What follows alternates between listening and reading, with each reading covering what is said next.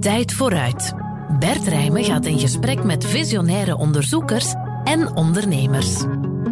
In deze aflevering Zong Xu, de CEO van Deliveract. Tegenwoordig kan dat zelfs, waarbij dat met Ring automatisch uh, je huis kan geopend worden, je frigo vullen en dan heb je gewoon koud bier. Dus het bestellen en het leveren, dat gaat allemaal commodity worden en wij zijn de link tussen al die systemen. De tijd vooruit. Hoe overleeft u de toekomst?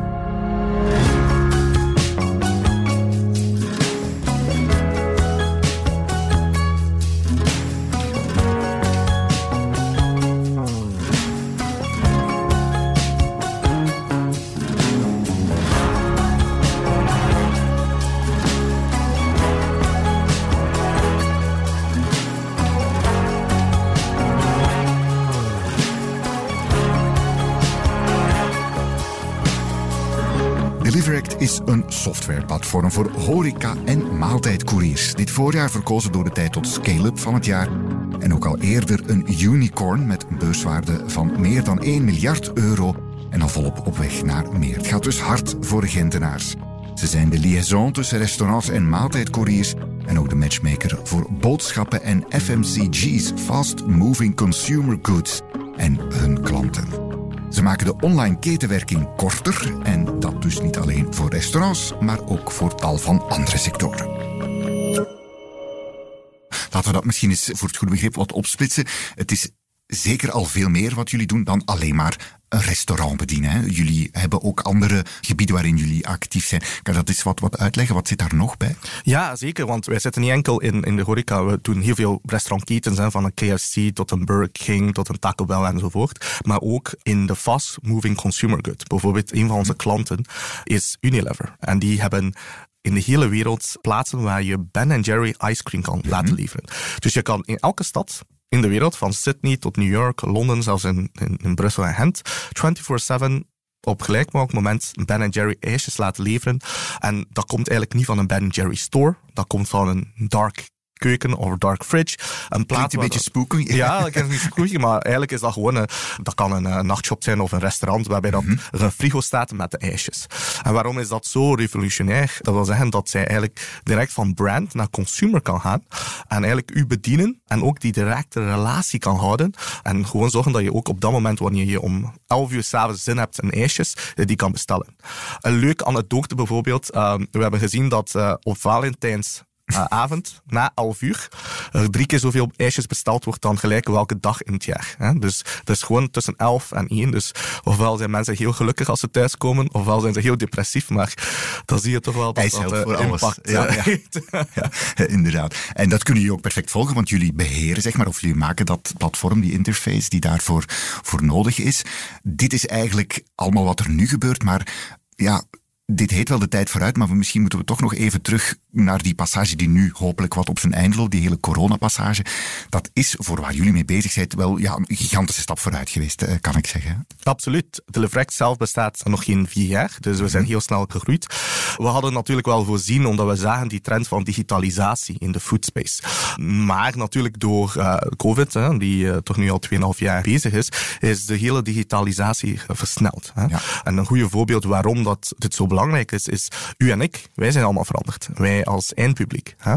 Bijvoorbeeld voor COVID waren er amper mensen die online bestellen. Meer bepaald in de millennial generatie. Mm een, leuke stat is in Europa bijvoorbeeld, in 2019 heeft in de groep van 55-jarigen en ouder amper 10% ooit iets van food online besteld. Ja, dus op een, niet, zoveel, ja. niet zoveel. 10% dat is niet zoveel.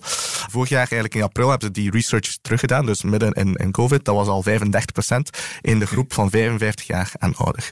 En natuurlijk als je dan kijkt naar de millennial generatie, hè, dus onder 35, dan zit je eigenlijk aan 90%, 95% van de bevolking die op regelmatige basis op die platformen zitten, maar ook digitaal dingen bestellen.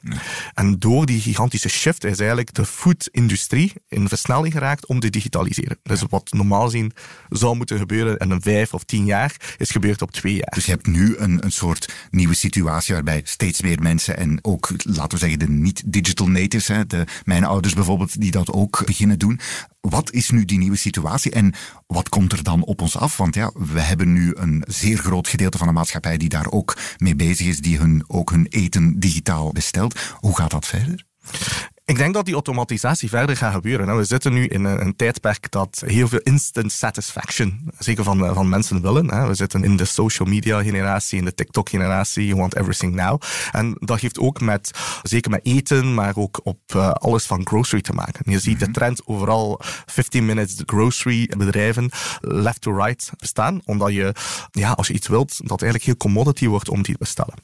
Naarmate dat je verder gaat, gaat er natuurlijk ook heel veel meer automatisatie zijn. We zien al trends waarbij biervendors zeggen van kijk, we hebben vending machines met koud bier. En mhm. jij als publiek, gelijk waar dat je zit in een park, wherever you want, kan eigenlijk bestellen. En we zorgen ervoor dat je bestellen. een pintje bestellen en dat wordt geleverd koud binnen de 10 minuten. Dus je zit in, in de zonneke, mhm. druk op een knop, heb de bier met nachos. Hè. En, en ja, dus die evolutie is heel snel. En je ziet ook die automatisatie gebeuren. Hè, van vending machines die dat kan leveren. En in de US heb je al heel veel robots die ook de, de delivery gaan doen, uh, zowel op campussen als in, in bepaalde steden. Dus uh, dat wil zeggen dat je, whatever you want, you can get it. Ja, inderdaad. Als dat de, een soort nieuwe realiteit wordt en mensen dat nog veel meer gaan doen, of dat is toch wat jij verwacht, zit Deliverect daar ook in? Spelen jullie daar ook een rol? Ja, absoluut. Omdat wij de koppeling zijn. Dus wat mhm. wij maken is echt de, de backbone digital food. Uiteindelijk heb je iemand nodig die het online met het fysieke nog altijd connecteert. En dat doen wij. Hè. Want op het einde van de dag, zeker als je eten of, uh, of zelfs perishable food is, moet dat komen van een fysieke locatie. Ja. Wat een heel groot verschil is tussen retail en food is, in retail, bijvoorbeeld Amazon, die kan in België één warehouse zetten. Want ja, alle schoenen en alle elektronica kan samen. Uh, en dat wordt geleverd op een dag of zelfs binnen de dag. Maar het probleem met eten is dat, is, dat moet eigenlijk binnen de 15, 20 minuten geleverd worden. Want het moet warm zijn of mhm. koud. Uh, en ja, dan moet die ervaring goed zijn. Dus dat betekent dat je heel veel van die locaties gaat hebben. Dus je gaat anderzijds dan, dan retail, waarbij je zegt allemaal in, in warehousing, ga je nog altijd heel veel van die keukens of restaurants nog altijd zien bestaan. Omdat ze eigenlijk dicht bij jou moeten zitten. Hè? Want ja uiteindelijk moet dat sneller kunnen geleverd worden. Ja, inderdaad. Dus dat specifieke aspect voor food, eh, zijnde het moet warm zijn, het moet koud zijn, daar zijn jullie in gespecialiseerd. Waarom is dat, eh, waarom zijn jullie daar zo goed in? Wat is het verschil met ja, anderen? Want het lijkt, uh, het idee dat iets warm of koud moet zijn, ja, het is geen rocket science. nee, wat Deliverect uniek maakt is natuurlijk onze historie. Hè. Is niet ons eerste bedrijf. Ik heb vroeger, uh, ik zit al twintig jaar in de horeca-business. Ja. ben er opgegroeid. Hè. Uh, mijn vader had een kassa voor Chinese restaurant. Ik heb een van de grootste kassa, iPad-kassasystemen in de wereld hm. gemaakt. En eigenlijk zagen wij een trend die aan het gebeuren is van retail van offline-online. En we zagen dat ook gebeuren in de horecasector. Ja. En, en het verschil was dat veel, veel horeca mensen zeiden van kijk, we hebben echt wel iemand nodig, een bedrijf nodig die ons de controle geeft. Want wij willen niet in een situatie eindigen zoals een Amazon, waar wij als restaurateurs geen power meer hebben. Dus daarom hebben we Deliverect gemaakt om hun de controle te geven over oneindig veel online kanalen, zonder dat ze moeten zorgen maken over hun kassasysteem, over hun, zwarte uh, black box uh, ja. kassa, hun workflows, hun keukensysteem. En, en dat is wat Deliverect uniek maakt. We werken praktisch met elke systeem in elk restaurant in de wereld. Dus we mhm. kunnen elke online speler daar direct access op geven. Ja. Maken jullie de restaurants ook beter, efficiënter? Ja, absoluut. Gemiddeld, er is een reden dat ze ons gebruiken. Hè. Gemiddelde zaak die met ons start, ziet hun topline omzet groeien met 25 tot 50 procent binnen de zes maanden. En we zorgen ook voor dat zij uh, minder fouten maken. Dus zelfs hun, hun wastage errors wordt serieus gereduceerd. En dan vraag je af, hoe doe je dat? En waarom is dat? Dat is eigenlijk niet zo moeilijk. Vandaag de dag, stel dat je een sushi-restaurant hebt, hè, als een voorbeeld. Ja, moet vers zijn. Ja, moet vers zijn. Wel, die kan zeggen van kijk, ik ga online verkopen. En direct eigenlijk als hij in een stad zit, kan die vier online platformen krijgen die, die, die omzet gaat draaien. Bijvoorbeeld op Uber Eats, Deliveroo, Takeaway en eigen website. Mhm. Maar hetzelfde sushi-restaurant kan ook zeggen van kijk, eigenlijk hebben we ook pokeballs. Hè, want er is eigenlijk niet zoveel verschil, dezelfde ingrediënten. Dus die beginnen dan ook te starten met virtual brand. Dat wil zeggen, ja, we verkopen onze sushi en we verkopen onze Pokéballs. Maar ook op die vier platformen. Dus opeens heb je acht online shops. Ja? En dan kan je natuurlijk dat verder gaan trekken. Dan kan je zeggen van, kijk, misschien moeten we een derde brand hebben, 12 virtuele shops enzovoort. En wat betekent dat allemaal? Elke keer dat je een virtuele shop hebt, dan realiseert dat meer omzet. Dus je kan heel snel schalen en daardoor kunnen wij bijna elke restaurant die bij ons start gigantisch uh, omzetgroei doen uh, realiseren. En dat is ook de realiteit. Je ziet dat ook bij ja, al de restaurants waar u actief is?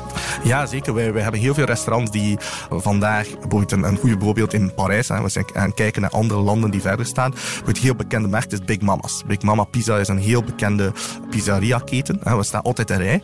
Maar wat mensen niet weten is dat in Parijs er maar twee Big Mama's zijn. Maar in de hele stad kan je Big Mama pizza's bestellen. Ja? Waarom? Naast die twee flagship stores, waar de ervaring uh, belangrijk is, hebben ze ook tien dark kitchens. Dus in centrale gelegen plaatsen maken ze eigenlijk die pizza's en andere gerechten die enkel virtueel gekocht worden. En waarom is dat zo belangrijk?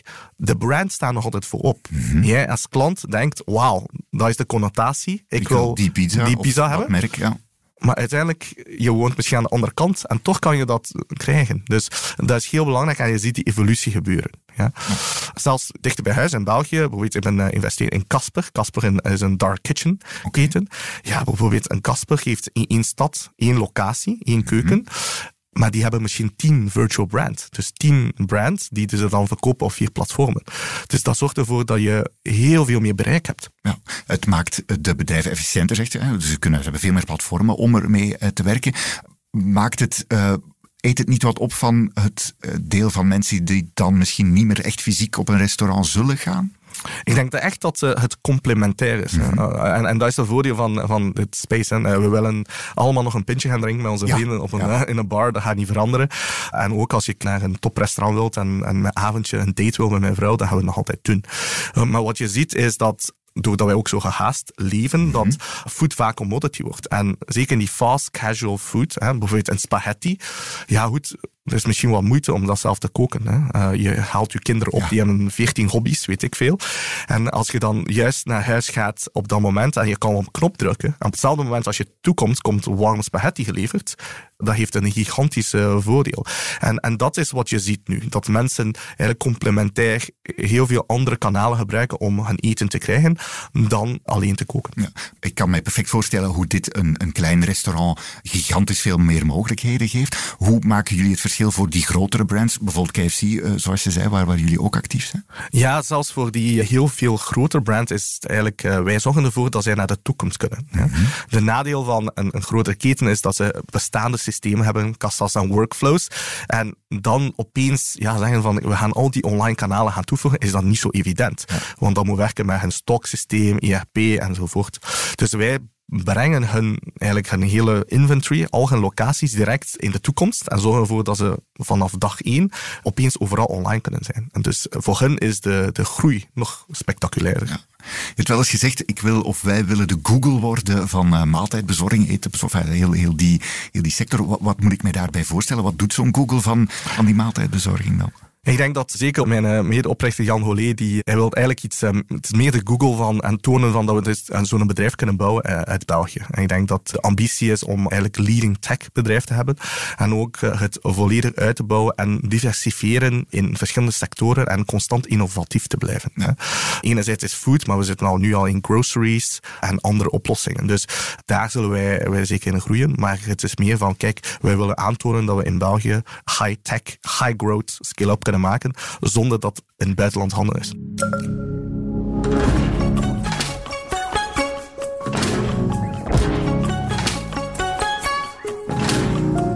Voor we verder ingaan op de groei van Deliveract zelf als bedrijf, zet ik eerst een stap terug.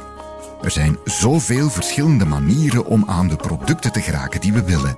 Stenen winkels, die ook steeds vaker een online webshop hebben, en dan de platformen zoals Amazon, Uber Eats of Gorillas.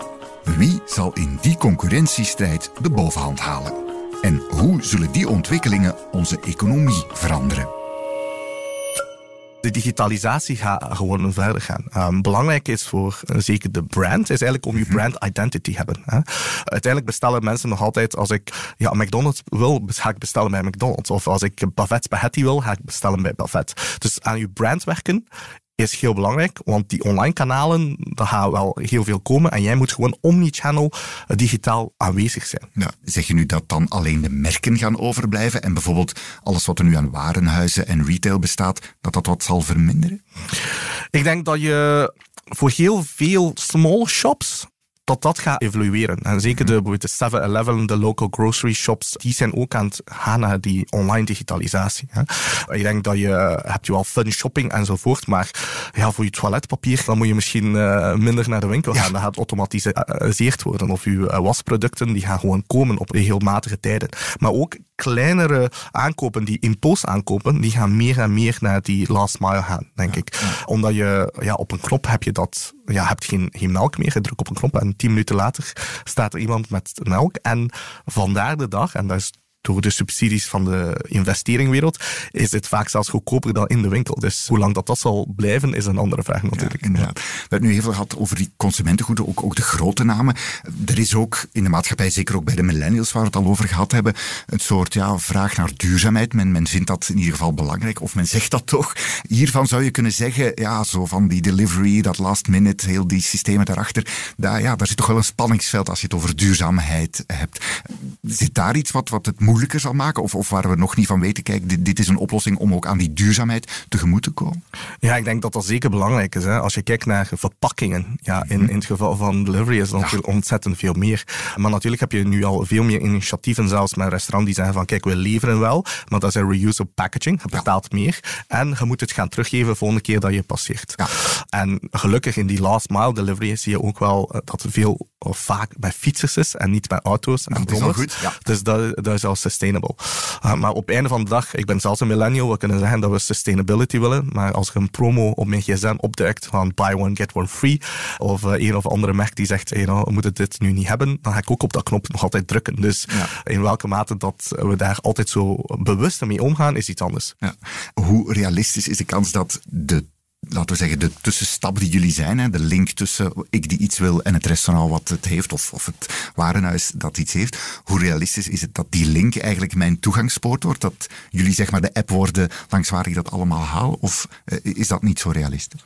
Wij zijn niet de partij die direct naar de consument gaat, -hmm. omdat wij willen echt de restaurants helpen. Die zijn ook onze klanten. Hè? Ja. En dat is een bewuste keuze. Want als wij natuurlijk een andere strategie zouden hebben, zouden wij meer in die marketingverhaal zitten. Nu dat restaurants ons betalen, zijn we een, een oplossing voor hen om ja. eigenlijk die gateway te zijn naar de online wereld.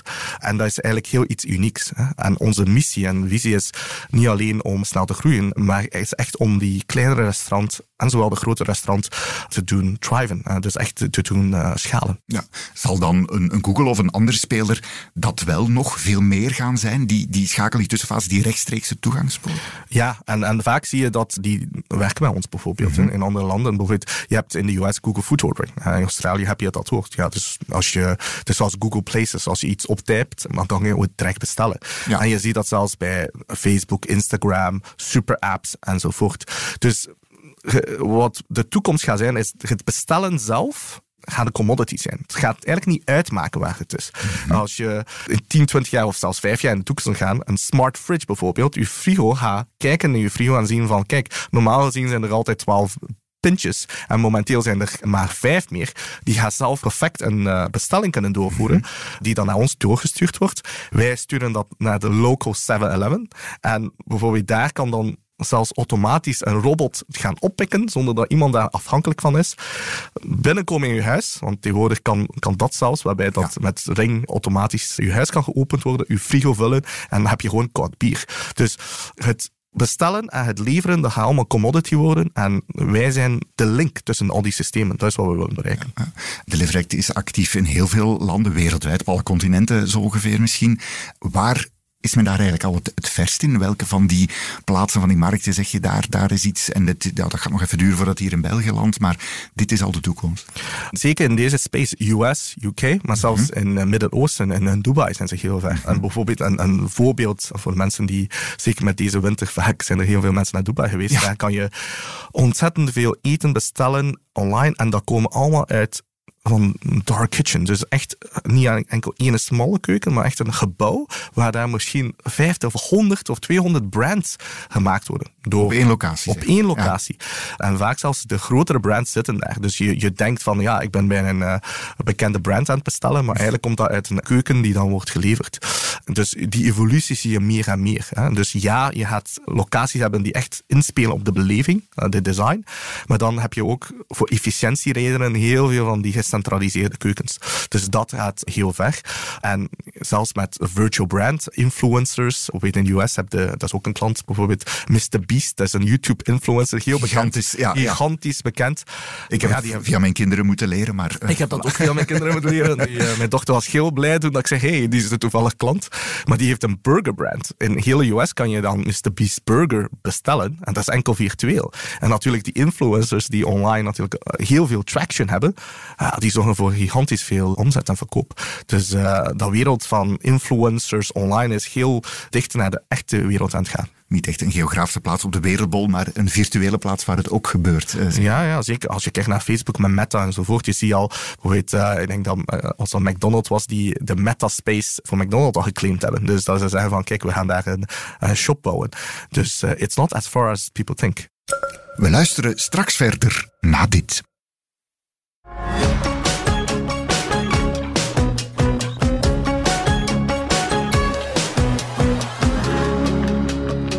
Deliverect maakte een ongelooflijke groeispurt en lijkt nog verder te hollen. Wat brengt de toekomst nog voor het bedrijf en hoe is het om in België als scale-up zo'n vaart te nemen?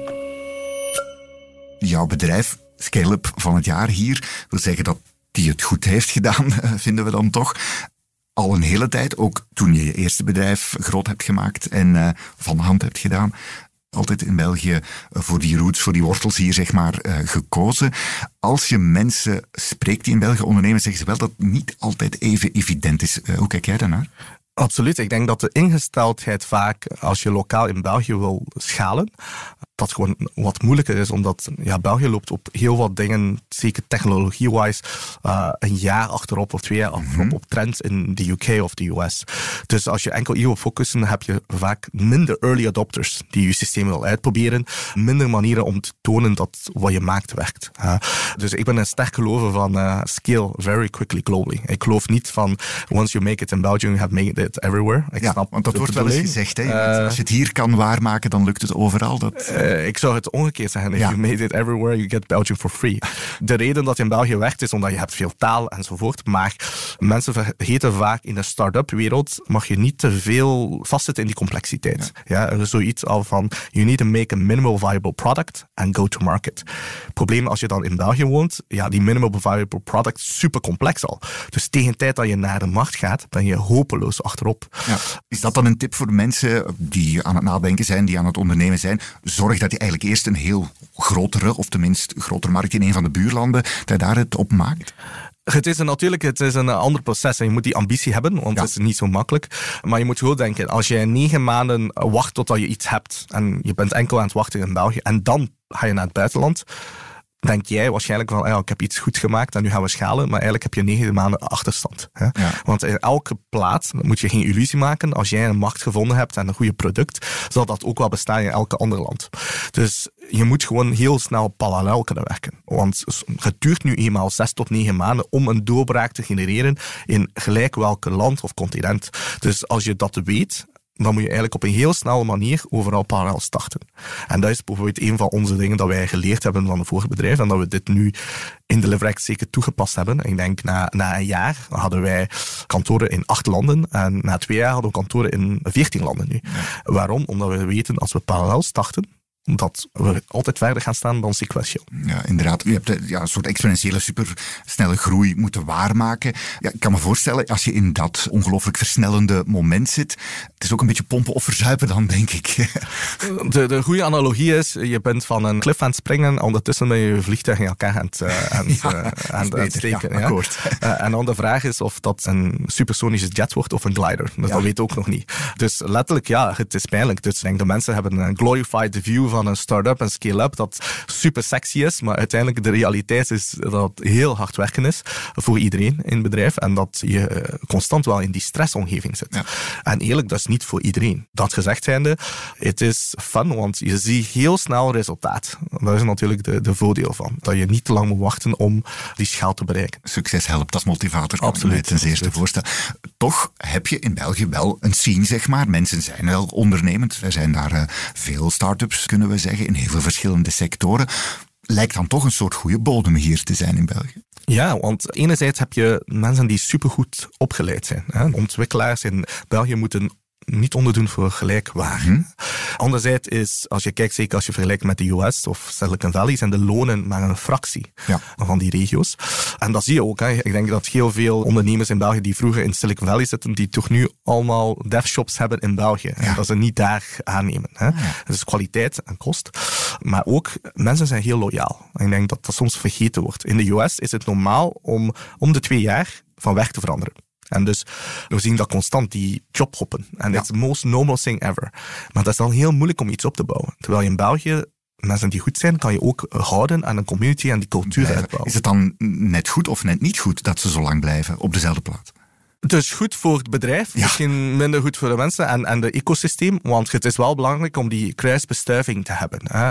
Bijvoorbeeld, een van de dingen, we zitten in Gent, en in Gent mhm. heb je een heel grote ecosysteem van start-ups en scale-ups. En de reden waarom dat in Gent makkelijker is omdat je die ervaring hebt. We hebben mensen, bijvoorbeeld wij hebben gedaan van Potjes Lightspeed, die naar andere bedrijven hebben gegaan, of bij ons terug, die hebben dan die ervaring, die hebben gezien hoe dat moet. En er is een gigantische generatie van ervaring die daar aanwezig is, maar ook natuurlijk kapitaal. Omdat je hebt second generation, third generation oprichters die snappen hoe dat, dat werkt, maar die ook de buitenlandse investeringnnetwerk hebben. Ja, wij, toen dat we nu eh, de ronde op aan het halen waren, het is eigenlijk heel uniek. Als je met gelijk welke Silicon Valley investeerder babbelt, mm zelfs in de UK, die kennen allemaal Gent. Ja. Die kennen België niet, maar die zeggen, hey, we know Gent. Dus, dus zoals dat in Canada Waterloo hebt, is, is dat mhm. synoniem met de bodem van fast-scale start-ups. So, en dat zorgt er ook voor dat als je daar iets start, ken je wel iemand die dan ook een investeerder kent. Dus die, die connotatie of die vertrouwen zorgt ervoor dat je sneller kan groeien. Die omgeving Gent, die, ja, die start-ups zien, zeg maar, eh, waar dan toch mensen meer over en weer gaan, dat is wat we dan ja, meer op moeten inzetten, meer moeten cultiveren. Absoluut. Het is een community dat ze samenkomen. Hè. En dan, kijk, als je het eens zelf gezien hebt, mhm. dan is de drempel veel lager dan te zeggen van, hm, ja, ik weet niet hoe dat moet gaan. Dus als je iemand tegenkomt die zegt van, ja, oké, okay, uh, sales opbouwen op internationale schaal, ik heb dat gedaan oké, ik kan dat doen voor jou, dat is geen probleem. Voilà, dus, dat is de ervaring. Je hebt dan iemand die je dan versterkt, dan, dan is dat deel opgelost. Of dat dat customer success of marketing. Dus je hebt die mensen nodig die dat ooit een keer gedaan hebben. En misschien waren ze niet de leidende functie, maar doordat ze het gezien hebben, hebben ze gewoon automatisch die hogere de goals. En uh, dan maakt het het grootste verschil. Ja, inderdaad. Um, er is die scene, we hebben ook de brains, denk ik. Hè, de goede mensen die op zich wel alles weten. De overheid, waar kan Vlaanderen, Vlaanderen wil zich ook in de markt zetten als een ondernemer ondernemende high-tech, cutting-edge regio. Waar kan die daar een rol in spelen? De overheid kan zeker helpen. Hè. Ik denk dat bijvoorbeeld helpen met immigratie is ontzettend belangrijk. Het proces om um, een high talent hier aan te werven is ontslachtig. En vaak is er een backlog waardoor dat mensen bijna eh, die hier zitten, die, die begonnen zijn, die bijna geen papieren meer hebben. Dus dat zorgt voor gigantische angstgevoelens bij die, die werkers. Mensen met een job, zeg maar. Of met, een, job, omdat ze, ze komen en dan moeten ze natuurlijk een, een permanente werkvergunning hebben. Dus dat, die proces duurt veel te lang. We zouden een bepaalde criteria moeten hebben van, kijk, als dat high skilled is, dan moet dat automatisch of op een bepaalde manier heel snel kunnen verwerkt worden. Dus enerzijds. Anderzijds, ja, zeker in het, in het schaal van van verloningen. Taxen zijn hoog, maar er zijn natuurlijk makkelijke manieren, zoals in de US, met optieplannen.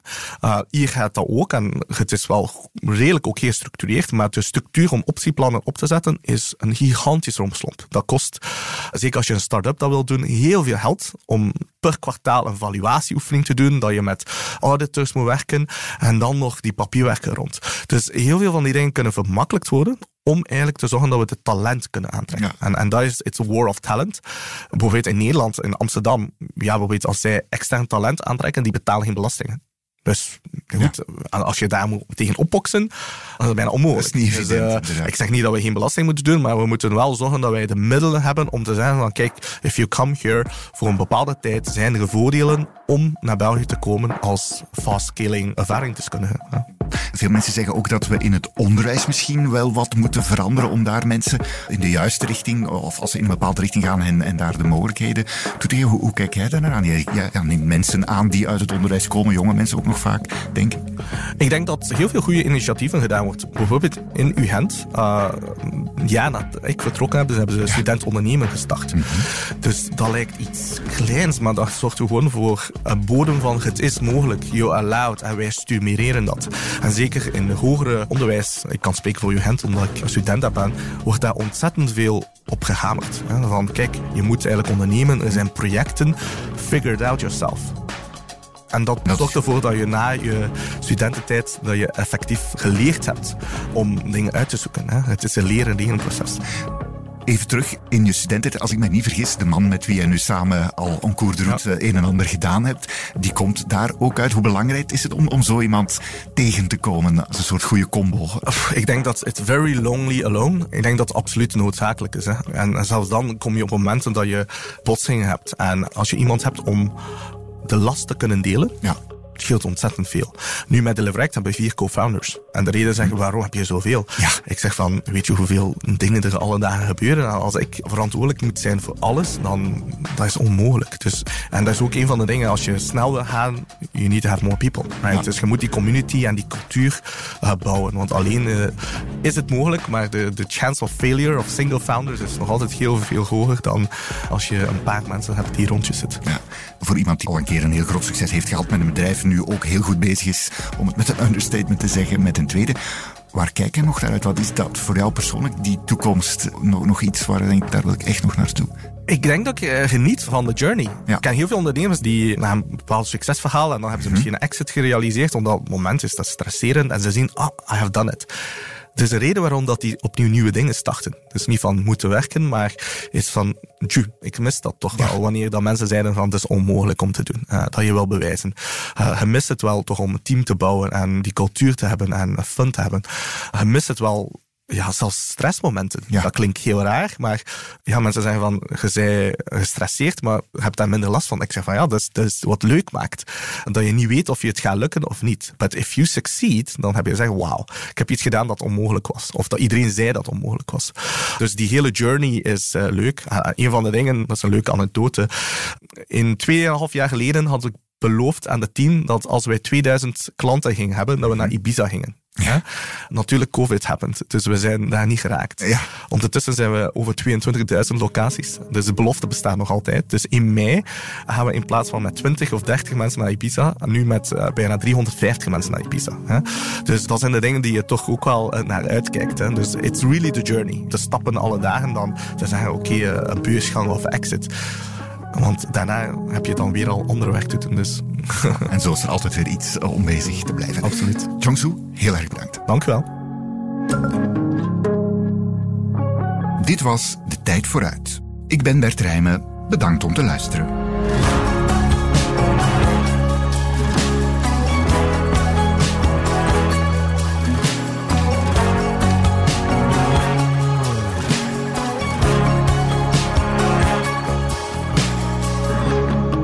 Meer business en straffe nieuwsverhalen, check tijd.be of onze app.